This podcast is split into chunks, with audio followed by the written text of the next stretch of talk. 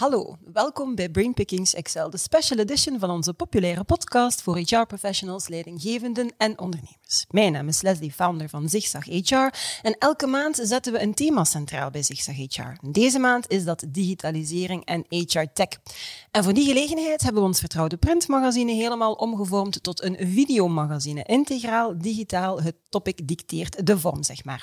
Niet één keer per week, maar gedurende een ganse maand. En dat elke dag kruip ik daarvoor in het hoofd van mijn speciale gasten, thought leaders, challengers, HR-experten en professionals, om daar ideeën, inspiratie, best en practices te stelen waar jij mee aan de slag kan in jouw organisatie of in jouw HR-team.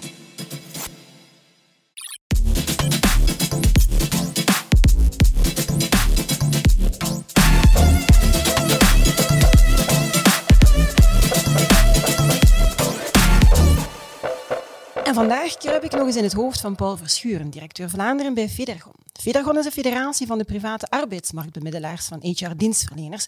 En zij vertegenwoordigen dus de federale en de regionale belangen van hun ruim 600 leden die actief zijn in learning and development, uitzendarbeid, interim management, outplacement, loopbaanbegeleiding, project sourcing, well-being en HR-tech. En ik hoop dat ik ze dan allemaal opgelijst heb, maar Paul zal mij dat ongetwijfeld wel laten weten, mocht dat niet het geval zijn. Het is sowieso altijd fijn vertoeven en bijzonder leerrijk in het hoofd van Paul en hij brengt ook altijd onwaarschijnlijk boeiende de gasten met zich mee. En deze keer is dat Peter de Buk, die samen met Patrick Verrept Connecting Expertise heeft opgericht. Connecting Expertise helpt bedrijven met het zoeken, contracteren, opvolgen van gepresteerde uren en factureren van alle mogelijke externe krachten. Freelancers, uitzendkrachten, contractors, noem maar op. En daarnaast hebben ze ook een marktplaats, een jobboard, zeg maar, voor tijdelijke medewerkers. Er zijn trouwens twee versies over waarom ze Connecting Expertise destijds hebben opgestart, zo heb ik begrepen. Maar feit is in ieder geval dat ze ver voor waren op hun tijd in 2007. We gaan het vandaag hebben over integraal talentmanagement, over hoe we anders om moeten gaan met talent in digitale tijden en over de veranderende rol van HR daarbij. We gaan het ook hebben over de opmars van freelancers en over de hybride workforce. Peter die werd destijds, heb ik vernomen, gedelibereerd voor informatica, stel je voor. En hij neemt iedere dag zijn hond Wifi mee naar het werk, dus zijn office dog. Net als zijn dochter is hij bedreven in Krav. Ik hoop dat ik het woord juist uitspreek. Wat dat in godsnaam betekent, dat gaat hij dadelijk ongetwijfeld wel vertellen. En hij durft al eens iets te enthousiast op zijn skateboard te gaan springen. En dat leverde hem vorig jaar een paar gekneusde botten en knieën op. Gelukkig komt verstand met de jaren. Dag Peter, dag Paul. Hey, dag Leslie, goedemorgen. Alles goed met jullie? Ja hoor. Ik zei verstand komt met de jaren en ik zag je meeschudden. toch niet. Nee. Dus je bent alweer aan het skaten, of wat? Ik denk er toch wel over. Super. Oké. Misschien eerst en vooral aan Peter Krav Maga. Dat klinkt levensgevaarlijk. Wat is dat? Wel, Krav Maga is eigenlijk een, eh, een zelfverdedigingssport, uh, waar dat je eigenlijk een combinatie maakt van aanvallen en verdedigen. Mhm. Uh, en is ontwikkeld in de tijd door de Israëlische Mossad. Mhm. en wordt eigenlijk in België en in andere landen vaak uitgevoerd door verschillende types van mensen. Wordt ook in de overheid, uh, federale politie, politieforce, uh, Ja. uh, gebruikt als, als zelfverdediging. Ja. Mm. Maar het is dus niet levens... Het is minder gevaarlijk dan met je skateboard op, uh, achter je hond te hangen. Duidelijk. Oké, super. Heb jij zo andere gelijkaardige, gevaarlijke, minder gevaarlijke hobby's, Paul? Maar ik heb voor eerst een uh, hobby gekozen waar dat ik de naam kan van uitspreken. uh, dat, is, dat is gewoon fietsen. Maar natuurlijk, fietsen alleen is niet genoeg. Um, en uh, het gevaarlijke bij mij, bij het fietsen, is ik kom heel graag naar Brussel. Mm -hmm. Met de fiets en naar het werk. En um, stel ik elke dag eigenlijk vast dat ik ongeveer twee na, bijna doodervaringen heb per, per dag. Ja. Uh, en, en dat is eigenlijk jammer. Hè? Dat betekent mm -hmm. eigenlijk dat, dat mensen in Brussel eigenlijk niet gewend zijn om fietsers te zien. Mm -hmm. uh, maar ik moet daar eigenlijk wat stil over zijn, want ik heb al eens uh, gedacht van als ik een GoPro op mijn helm zet en ik laat dat thuis zien, maak ik waarschijnlijk nooit, nooit meer met de, de fiets naar Brussel komen. Dus, dus voilà, dus dat blijft onder Ja. ons eigenlijk. Ja, oh, eigenlijk niet, hè, Paul? Je hebt het nu juist aan de Ja, wereld verkondigd in het is te deze podcast. Is te laat. Super, maar oké. Ehm, Je we mag, gaan er je een... mag altijd de hond zelf lenen. Ook. Je kunt ze misschien combineren. Maar ik kan me in ieder geval wel voorstellen dat fietsen in Brussel uh, ja, niet, niet altijd um, zonder gevaar is. Om het, uh, dat klopt, zo te benoemen. Dat klopt. Ja, Laten we hopen dat er beterschap komt. Ja. um, Peter, uh, je gaf al aan in eerder gesprek, want we kennen elkaar uiteraard ook wel al langer, dat het aanbod in zaken HR Tech bijzonder groot is. Hè? De markt is in beweging, zeg je. Dat maakt dat het ook wel bijzonder complex wordt voor HR-professionals om ja, de juiste tools te gaan kiezen. Hè? Um, welke tips geven jullie bijvoorbeeld uh, graag mee aan HR-professionals om door dat bos de bomen nog te vinden? Oh, ik denk dat je vooral eerst moet gaan kijken welk probleem dat je wilt oplossen. Mm -hmm. uh, een tool is maar een, middel om een bepaalde doelstelling te bereiken. En ik, ah, ik denk dat veel mensen denken van, ah ja, oké, maar ik wil bijvoorbeeld mijn talentacquisitieproces optimaliseren. Um, maar dat is op zichzelf niet voldoende. Mm -hmm. Ik weet wat je precies wilt doen, wat je ermee wilt bereiken, wat je er nu mee wilt bereiken, wat je er naar de toekomst mee wilt uh, bereiken. Ja. Dat kan je dan vertalen naar processen en daar kan je tools over leggen.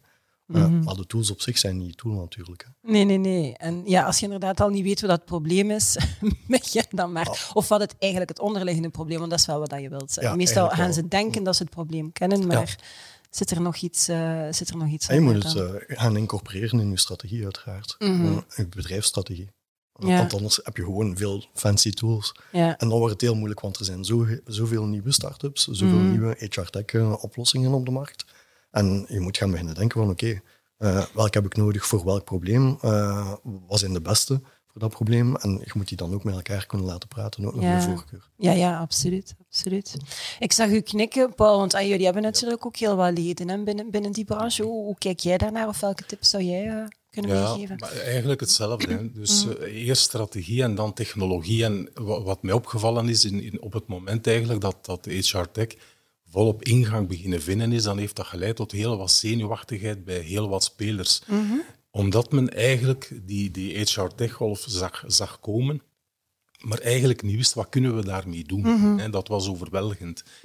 Maar eigenlijk heel eenvoudig, als je niet weet uh, welke propositie je wil doen naar de markt, welk probleem je wil oplossen voor werkgevers, opdrachtgevers of voor werknemers en werkzoekenden, ja, dan heeft het ook geen zin om te beginnen met technologie. Mm -hmm. Eens dat je weet wat dat je wil doen, dan kan je inderdaad uh, de keuze maken van een technologiepartner die dat kan ondersteunen. Ja, ja inderdaad. Die zenuwachtigheid, of, of, het wordt ook vaak omschreven als zo'n golf. Hè. Eigenlijk zagen we het allemaal wel al een beetje komen. En in plaats van op de golf, toen dat ze nog niet zo hoog was, mee te gaan surfen, zijn we zo gelijk heel vaak blijven wachten totdat die golf zo reusachtig is dat bijna beangstigend hè, wordt. Om, is, is dat zo'n beetje wat, wat jij ook... Uh, ziet of zou omschrijven? Ja, ik denk dat sommige spelers wel wat, wat overspoeld zijn door de golven, maar oh, ik heb mm -hmm. nu wel het gevoel dat, dat iedereen er op, op de juiste manier wel naar kijkt. Okay. En eigenlijk het gevoel heeft van oké, okay, uh, er is ook plaats voor, voor ik zou zeggen, traditionele spelers die HR gebruiken, uh, of HR-tech gebruiken, uh, om hun business beter, sneller te laten draaien. Dus ik denk dat, dat um, ja, dat het realisme toch ook een beetje terug uh, zijn weg gevonden ja. heeft. En dat is, dat is alleen maar een goede zaak. Niet enkel voor traditionele spelers, maar zelf eigenlijk ook voor de, de mm -hmm. spelers Ja, ja absoluut. Um, nu, om die juiste technologie te gaan kiezen, te implementeren, intern dan ook verkocht eh, te krijgen, moeten HR-professionals data-driven zijn, ze moeten uh, uh, tech-savvy zijn, ze moeten de trends opvolgen op, de markt, ze moeten weten wat er is, ze moeten commerciële skills hebben om dat intern verkocht te krijgen, verstand hebben van community building, om iedereen mee te krijgen. Ja, ik heb de indruk dat lijstje blijft maar aangroeien. En ik zeg dan altijd wel, it's a great time to be in HR, maar is dat allemaal nog wel haalbaar volgens jullie voor HR-professionals als je ziet wat er van die mensen vandaag verwacht uh, wordt? Ja, ik denk uh, dat dat niet alleen van HR-specialisten uh, verwacht wordt. Mm -hmm. als je kijkt naar commerciële rollen, is dat eigenlijk hetzelfde. Als ja. je kijkt naar financiële mensen, die moeten eigenlijk ook veel breder gaan dan dan ze traditioneel zaten. Mm -hmm. ik denk dat je je horizon moet verbreden in het algemeen en dat je ook moet beseffen dat je niet in alle specialist moet zijn. Ja. je kunt perfect gebruik maken van specialisten die je kunnen ondersteunen in de zaken die, die die, die, die je minder in de vingers hebt. Maar ja, de verantwoordelijkheid wordt wel breder en dat is ook een opportuniteit. Mm -hmm. uh, omdat uh, als je kijkt naar de rol van HR nu uh, in organisaties en de impact die ze kunnen hebben, is, is stukken groter dan, dan, dan vijf, tien jaar geleden. Ja. en ze moeten die rol dan ook natuurlijk wel op kunnen pakken. Ja. Mhm. Dus dat is ook een opportuniteit. Ja, want het is, het is, dus iets dat zeker niet alleen inderdaad voor HR-professionals is, maar gewoon voor de professional, de mens aan zich die aan het, uh, aan het werk is. Ja, kijk gewoon naar een klassieke verkoper. Die, die, dat is ook niet meer uh, een telefoon oppakken. Je moet kunnen prospecteren, je moet op social mhm. media actief zijn, je moet eigenlijk met, met, met, met, met tools kunnen werken. dat is ook al niet... niet dat is ook veel veranderd, toch? Mhm. Ja, klopt technologie heeft zijn intrede gedaan in alle jobs, ook in, in HR, gelukkig maar, mhm. zou ik zeggen. Eén. En twee, ik hoorde onlangs op het jaarevent van, van Fidustria, de collega's van de, de hout- en uh, textielnijverheid, de voorzitter, zeggen van kijk, vroeger deed ik alles, in, alles zelf in mijn bedrijf. Ik, mhm. ik, ik, ik kon en kende eigenlijk alles zelf. Dat is vandaag niet meer het geval. En eigenlijk, eh, wat hij wil zeggen is van zorg dat je de juiste mensen op de juiste plaats hebt om de juiste kennis, te, uh, ook rond technologie, binnen te brengen en daar ja, de vruchten van te plukken. Ja. Dus dit is eigenlijk geen fenomeen dat typisch is voor HR, maar, maar, eigenlijk voor alle afdelingen van een bedrijf. Ja, ja, ja oké. Dat stemt dan een stukje gerust. Dat je, en dat mensen dan effectief niet het gevoel hebben van ik ben hier meer gedupeerd dan de rest van de wereld. Hè. Ehm, Beter Connecting Expertise is een SaaS VMS-platform voor de Belgische markt met blue chip klanten. Kan je helder toelichten wat een VMS-platform doet en hoe en waarom dat zo'n platform het leven van professionals dan bijvoorbeeld makkelijker kan maken? Mhm. Eh, ik denk, uh, als je kijkt naar de wereld van talentacquisitie, dus het mhm. eh, zoeken van talent, heb je typisch twee typen van oplossingen. Je hebt enerzijds de oplossingen op de markt die organisaties helpen in het zoeken van vaste medewerkers. Dat mhm. noemen ze applicant tracking systemen. Mhm. En dan heb je de tegenpool, uh, als ik het zo mag noemen, uh, de VMS of vendor management systemen, die eigenlijk organisaties helpen in het zoeken en het uh, administratief goed opvolgen van externe werkkrachten. Mhm. En dan kunnen externe werkkrachten freelancers zijn, uitzendmedewerkers, consultants die een organisatie binnenneemt of partijen die je contracteert met een bepaald begin- en eindmoment. dus Mhm. en typisch dat type van tools worden eigenlijk gebruikt door organisaties om een stuk transparantie, mm objectiviteit uh, en, en, neutraliteit te gaan creëren en om de relatie met uw gekende leveranciers meetbaar uh, te maken. Ja. en dan zorg je daaruit, ah, daar, daar, vloeit ook uit dat je meer compliant kunt gaan werken, mhm. dat je zaken rond GDPR beter kunt opvolgen, dat je kosten onder controle hebt, dat je de werklast van de mensen die in dat proces uh, zaken doen, kunt optimaliseren mm -hmm. uh, enzovoort. Ja, en dat je eigenlijk effectief ten allen tijden een zicht hebt op, want dat is toch wel belangrijk als je als HR-professional in een bedrijf bent, dat je weet hoeveel talent is er eigenlijk aan het werk. En dat is vandaag lang niet in alle bedrijven. Nee. hopelijk, ja, hopelijk weten ze wel hoeveel mensen op de payroll hè, dan staan. En dan nog, durf ik eh, soms uh, zeggen. Um, maar inderdaad, overal zijn heel wat mensen die een rol meespelen in het bedrijf naar veiligheid, compliance, zeggen we dat je daar inderdaad Ja, absoluut. Ja. Uh, het, ik denk dat organisaties niet altijd doorhebben hoeveel externen dan ze daadwerkelijk aan boord mm -hmm. hebben.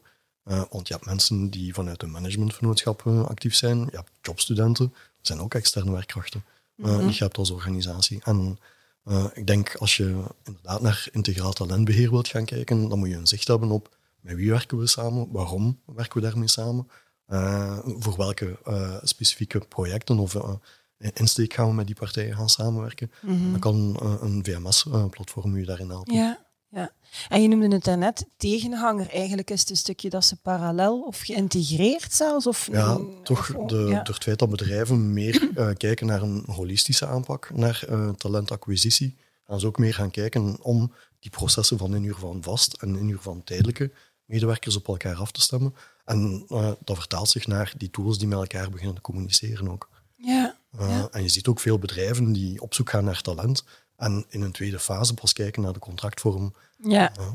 Uh, en dat is, dat is echt wel uh, een opkomende um, evolutie. Ja, dat, dat is iets wat je ook hebt zien gebeuren, Paul. Want ay, toen jullie bijvoorbeeld gestart in 2007, was dat helemaal volgens mij nog niet zo. Nu is dat gebruikelijker dat extern talent mm ingeschakeld wordt. Is, is dat iets waar jij merkt dat, dat men toch ook mee, mee bezig is, langs de bedrijvenkant inderdaad, van dat integraal talentmanagement? Ik, uh, ik denk het wel, uh, omdat, uh, omdat daar toch nog wel wat ruimte was tot optimalisering. Mm -hmm. dat, dat zien we ook binnen Federgon in een aantal van onze commissies. Die, die, die die bezig zijn met de externe medewerker, als ik het zo mag, mag zeggen, hoor ik mhm. heel dikwijls de opmerking van ja, eigenlijk zijn heel veel van onze klanten, gebruikers, niet op de hoogte van het mhm. totaal potentieel aan talent dat wij op een bepaald moment binnen het bedrijf of binnen de bedrijfsmuren op de werkvloer aanwezig hebben. Dus eigenlijk wat, wat, wat hier gebeurt, is eigenlijk een soort van optimalisatie, mhm. ondersteund door, door technologie. Mhm. Ja. Eigenlijk is het ook, en toen me wat denken aan een oefening die we gedaan hebben in de tijd met, met professor Sels, en nu de rector van de ja. KU Leuven rond HR outsourcing. En eigenlijk is dat een, een, een zeer mooie case ook van, van outsourcing. Bedrijven denken na van oké, wat kunnen we zelf doen? Wat kunnen we insourcen? Mhm. Wat kunnen we outsourcen? Met welke partnerleverancier kunnen we dat eigenlijk bewerkstelligen? Hoe kunnen we die relatie vormgeven met een contract? Hoe kunnen we die opvolgen zodanig dat die kan geëvalueerd worden en dat we er eigenlijk eh, de vruchten van plukken? Dus eigenlijk is dat een heel mooie, heel mooie case waar je als, als gebruiker, denk ik, als je het goed stuurt, ook heel wat, uh, wat voordelen kan uithalen. Ja. Maar er inderdaad strategisch over nadenken. En niet wat ik jou net hoor zeggen van alleen als het niet anders kan, overschakelen naar... Het, het punt is, hè, komt eigenlijk wat terug op wat we dan, daarnet vertelden. Eigenlijk vertrekt deze, uh, deze oefening vanuit een probleem. Er mhm. was een probleem en dit probleem kan op deze manier opgelost worden. Mhm. Dat is... Uh, dat is eigenlijk de meerwaarde. Ja, het is niet moeilijker dan dat. Nee, nee, inderdaad, het is niet moeilijker dan dat. Maar je ziet ook de hoeveelheid externe in organisaties in verhouding stijgen ook. Ja, ja. Uh, ja. Dus dat is ook wel een duidelijke tendens. Uh, ja. Wat je vijf, vijf, vijf jaar geleden ging waarschijnlijk 80-20 zijn gemiddeld. Mm -hmm. uh, nu is dat heel duidelijk 70-30. Ja, ja. en bij sommige organisaties gaat dat naar 50-50. Afhankelijk van de sector en hoe dat markt ja. evolueert en vraag en aanbod inderdaad. Want een aantal werknemers kiezen daar effectief, een aantal professionals liever, kiezen daar dan echt wel heel bewust voor aan om, om dat zelfstandig statuut na te jagen. Oké, super om succesvol te zijn in een, uh, in een heel volatiele markt, hè, met sterk fluctuerende wijzigende noden als het gaat over vraag en aanbod, moeten bedrijven agile zijn, heet dat, uh, een mooi woordje. Um, maar dat betekent vooral dat bedrijven moeten kunnen upscalen en downscalen en dat ze zich een beetje als een accordeon bijna moeten gaan, gaan, gaan opstellen. Wat zijn volgens jullie dan de grootste uitdagingen als het gaat over inhuur van tijdelijk talent? Oh, ik denk dat je uh, moet gaan kijken naar uh, contractvormen, uh, mm-hmm. bijvoorbeeld. je hebt verschillende types van contracten die je aan boord kan nemen. Je hebt uitzendmedewerkers, je hebt consultants, contractors die, je, die je aan boord neemt. ik denk het vinden van dat talent in de juiste kanalen mm-hmm. wordt ook wel complexer. Als je kijkt naar inhuur van vaste medewerkers, dan, dan praten ze over multi, multi-sourcing of multi-channel recrutering.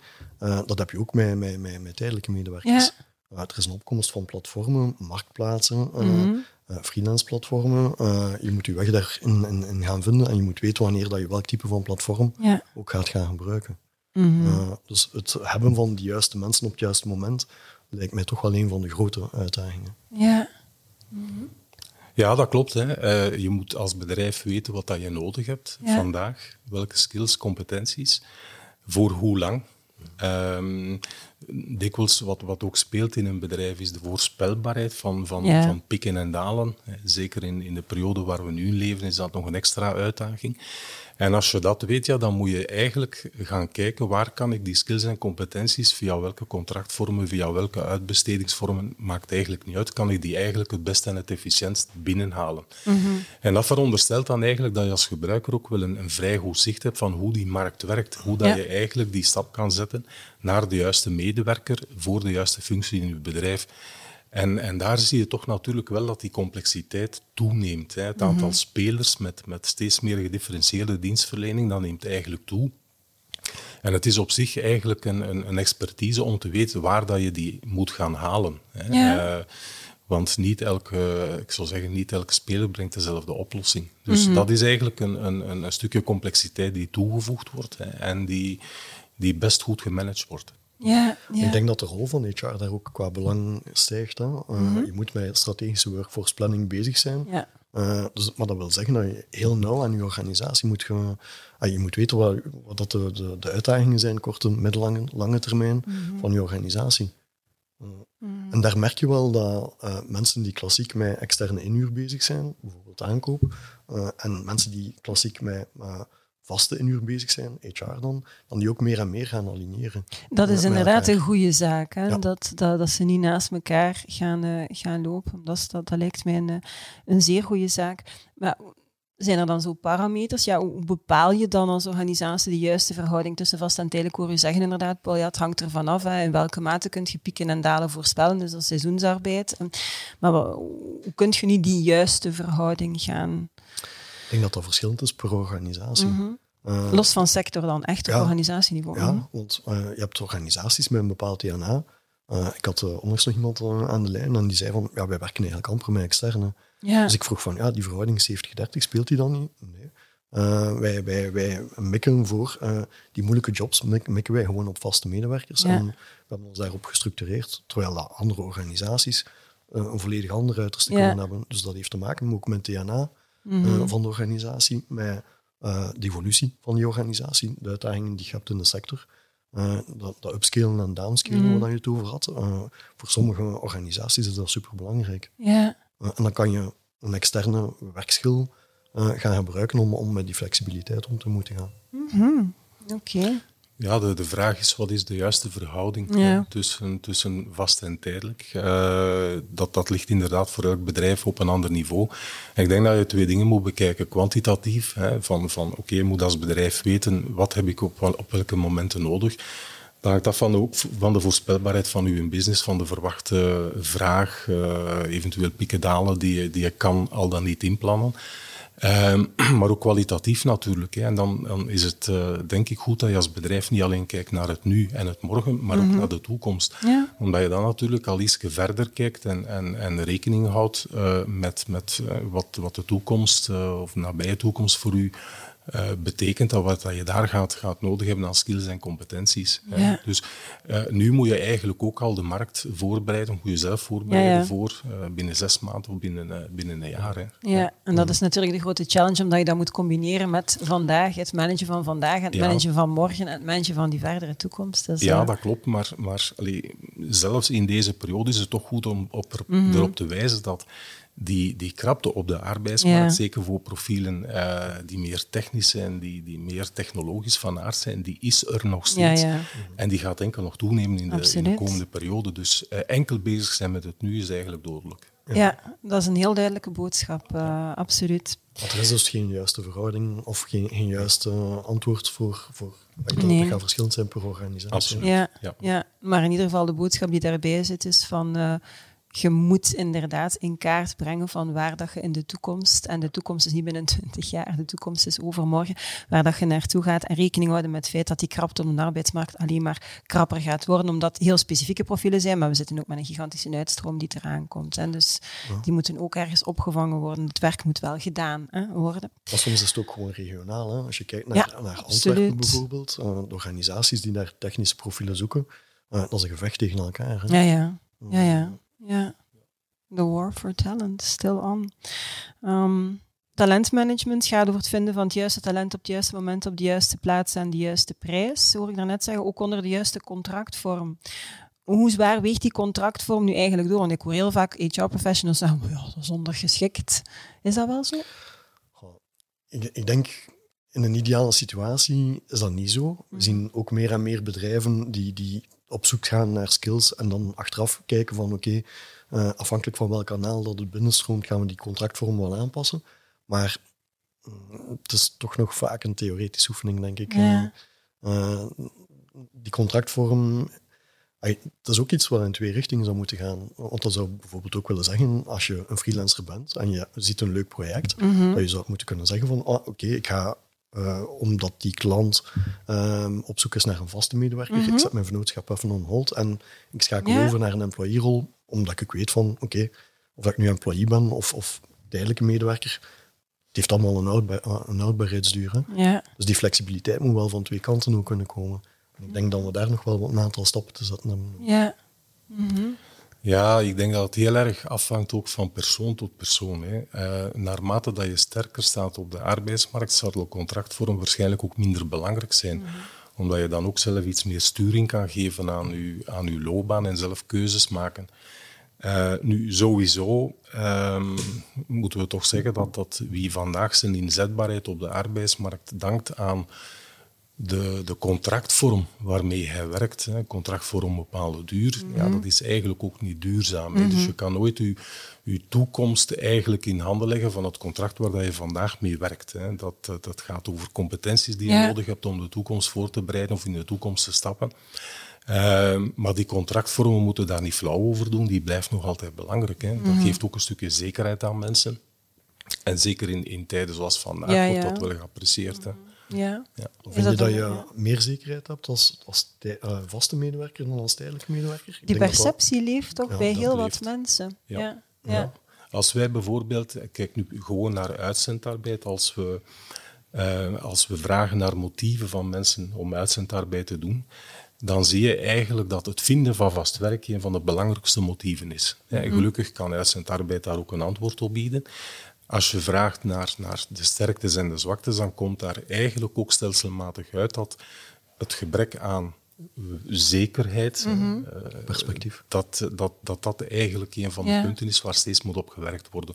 Dus eigenlijk waar het op neerkomt, eh, wanneer je een combinatie kan maken van flexibiliteit en zekerheid, ja, dan ben je eigenlijk, uh, ik zou zeggen, dan ben je op het goede, op het goede spoor. Dat is de tweede belangrijke boodschap van Paul in deze podcast. Ja. Daar komen er nog, ik voel het. um, als we het dan hebben over total talent management of integraal en talentbeheer. Uh, jullie hebben een heel mooie case gedaan bij VRT, hè, uh, Peter. Um, kan je daar in een, bepaalde zin iets meer over vertellen? En waarom moeten bedrijven misschien volgens jou, of waarom kan het zinvol zijn voor bedrijven om toch meer te gaan inzetten op total talent management? Zijn verschillende vragen. Hè? Ja. Um, de, de case bij VRT was wel speciaal, omdat uh, eigenlijk de visie van HR binnen VRT was dan ze uh, één uur van vast en één uur van tijdelijke medewerkers uh, qua proces op elkaar horen aligneren. Mm -hmm. en zij keken naar total talent management als een manier om instroom, ontwikkeling van talent en uitstroom mm -hmm. te gaan, gaan formaliseren.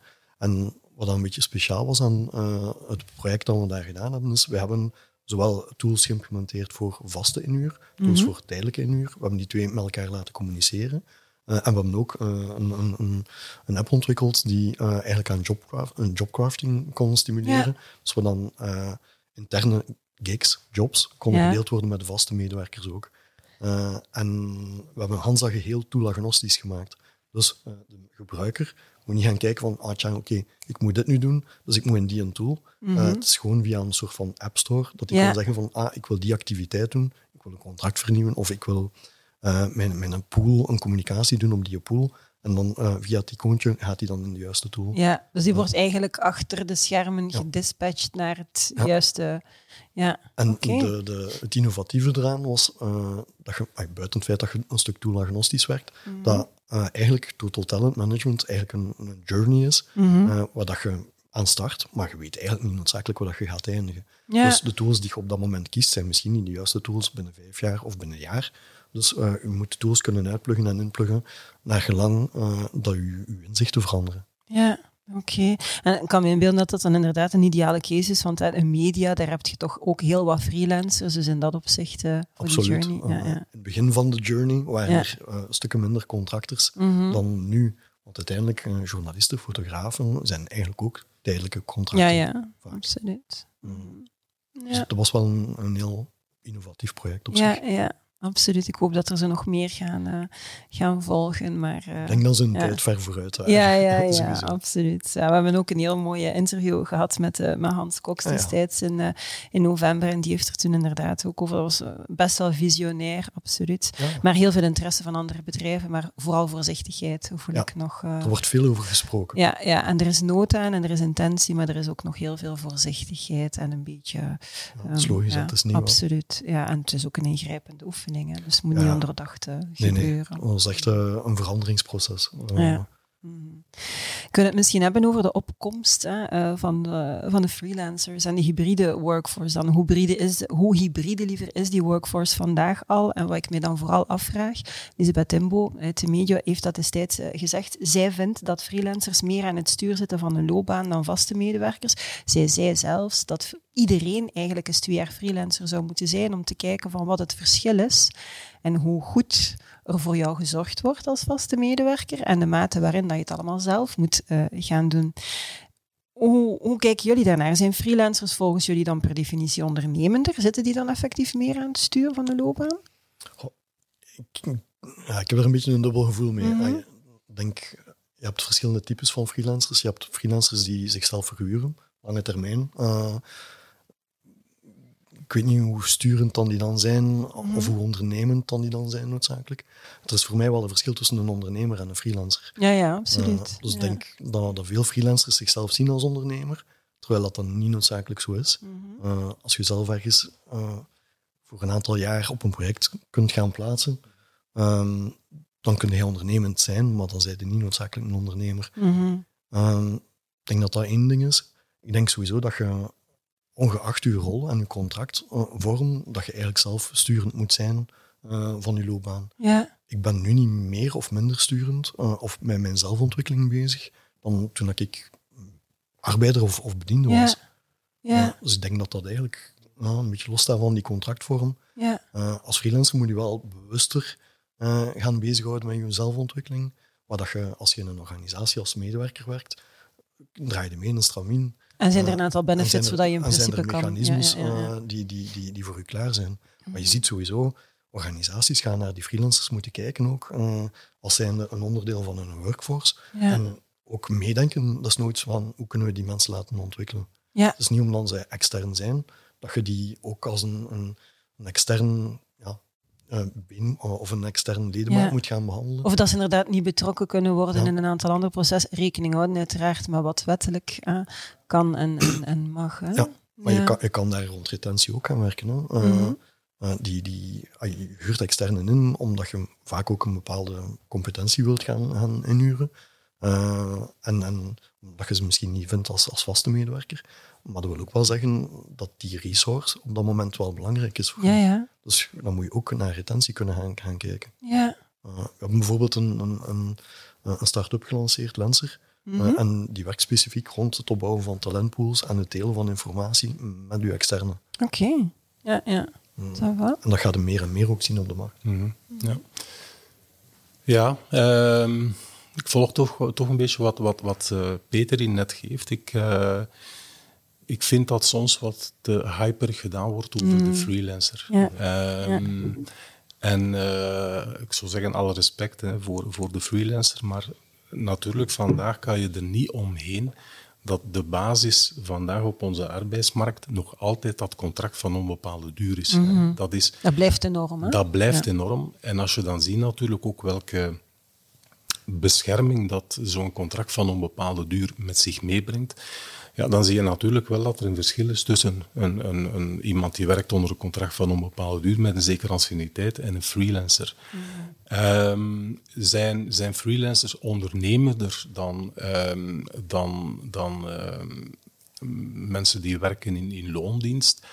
Uh, ik denk dat dat puur afhankelijk is van, van de persoon tot persoon. Het is nu eenmaal ook zo, als je de groep van de freelancers bekijkt, dat je die heel veel terugvindt in bepaalde beroepscategorieën. Ja. Media, fotografie, het is Ja. net al aangegeven, je vindt die eigenlijk daar in, in belangrijke mate terug.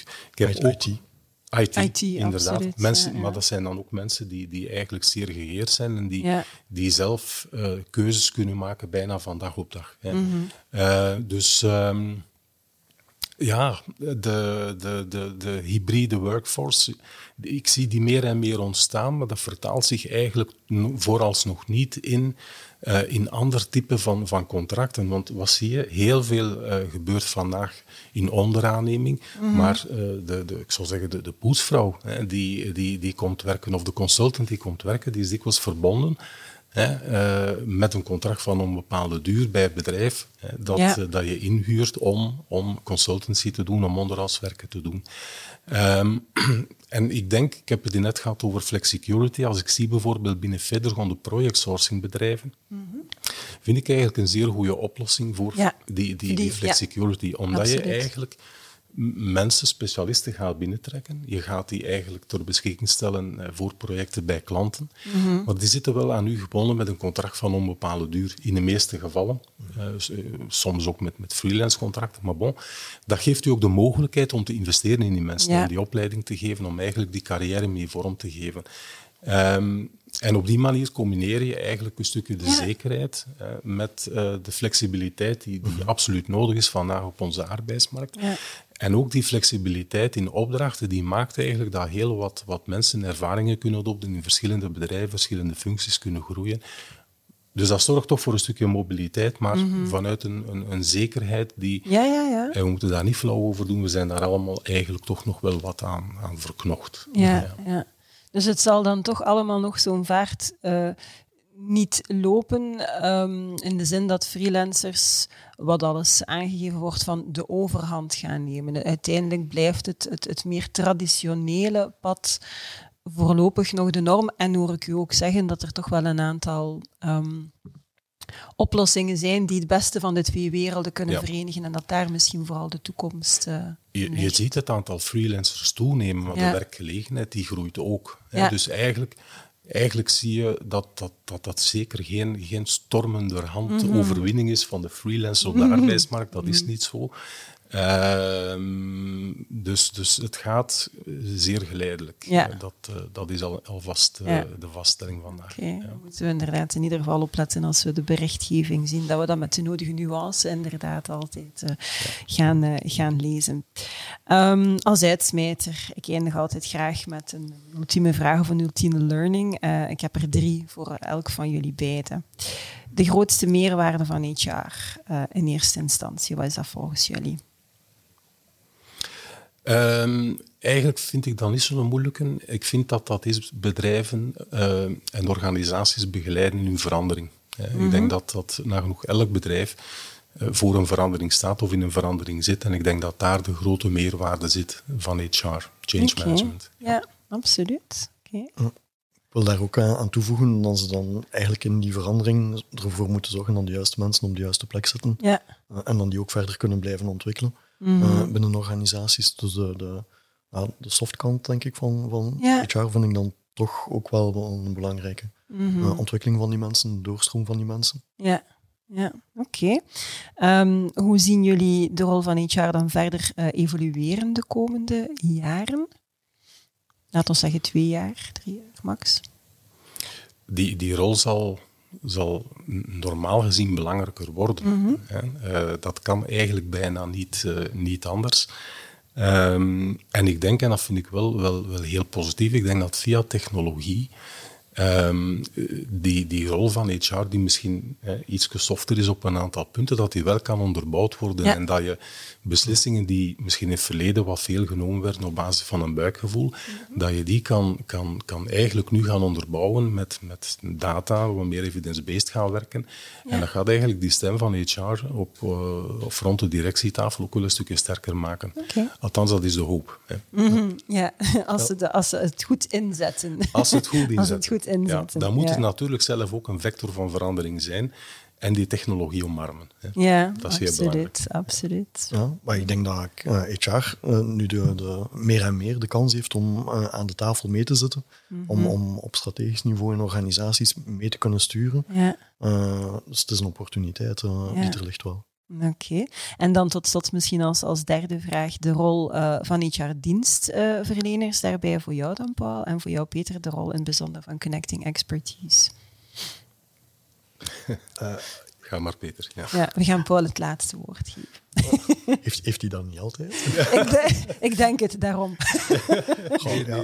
Weet je, de rol van Connecting Expertise, wij zijn een middel om een aantal doelstellingen te kunnen bereiken en mm. om ervoor te zorgen dat... dat dat bedrijven eigenlijk in hun werking met externe, uh, zoals dat Paul ook zei, uh, meer op basis van feiten kunnen gaan werken en niet mm -hmm. op basis van, van buikgevoel.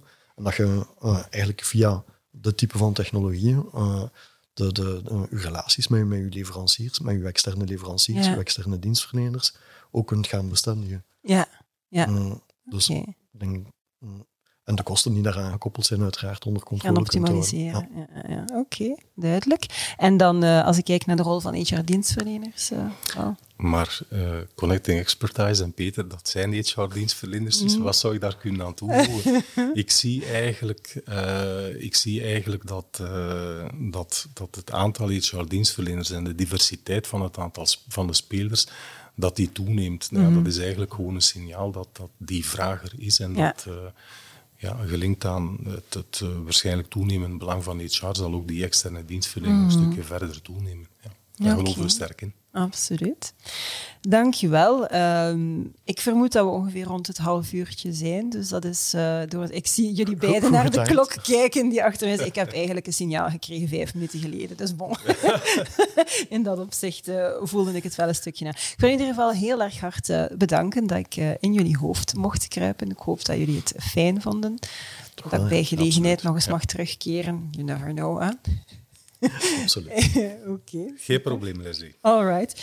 Um, dan wil ik ook jullie uh, bedanken uh, om te kijken of om te luisteren. Vond je deze podcast fantastisch? Vertel dat dan natuurlijk aan zoveel mogelijk mensen verder. Heb je honger naar meer? Registreer je op onze nieuwsbrief of abonneer je op ons fantastische tijdschrift. Kan natuurlijk ook zijn dat je een aantal dingen hebt gehoord waarvan dat je denkt van, hmm, ik ben precies toch niet helemaal akkoord met wat hier gezegd werd. En dat is ook helemaal prima. Laat ons dat ook zeker weten, want du choc des idées jaillit la lumière. Het is door het botsen van ideeën en inzichten, dat we heel vaak tot nieuwe inzichten komen. En wat we natuurlijk niet willen, is dat we allemaal in onze eigen kleine bubbel gaan belanden. Deze woorden sluit ik graag deze toffe podcast af. En het allerbelangrijkste, wat jullie nooit mogen vergeten, it's a great time to be in HR. Tot de volgende!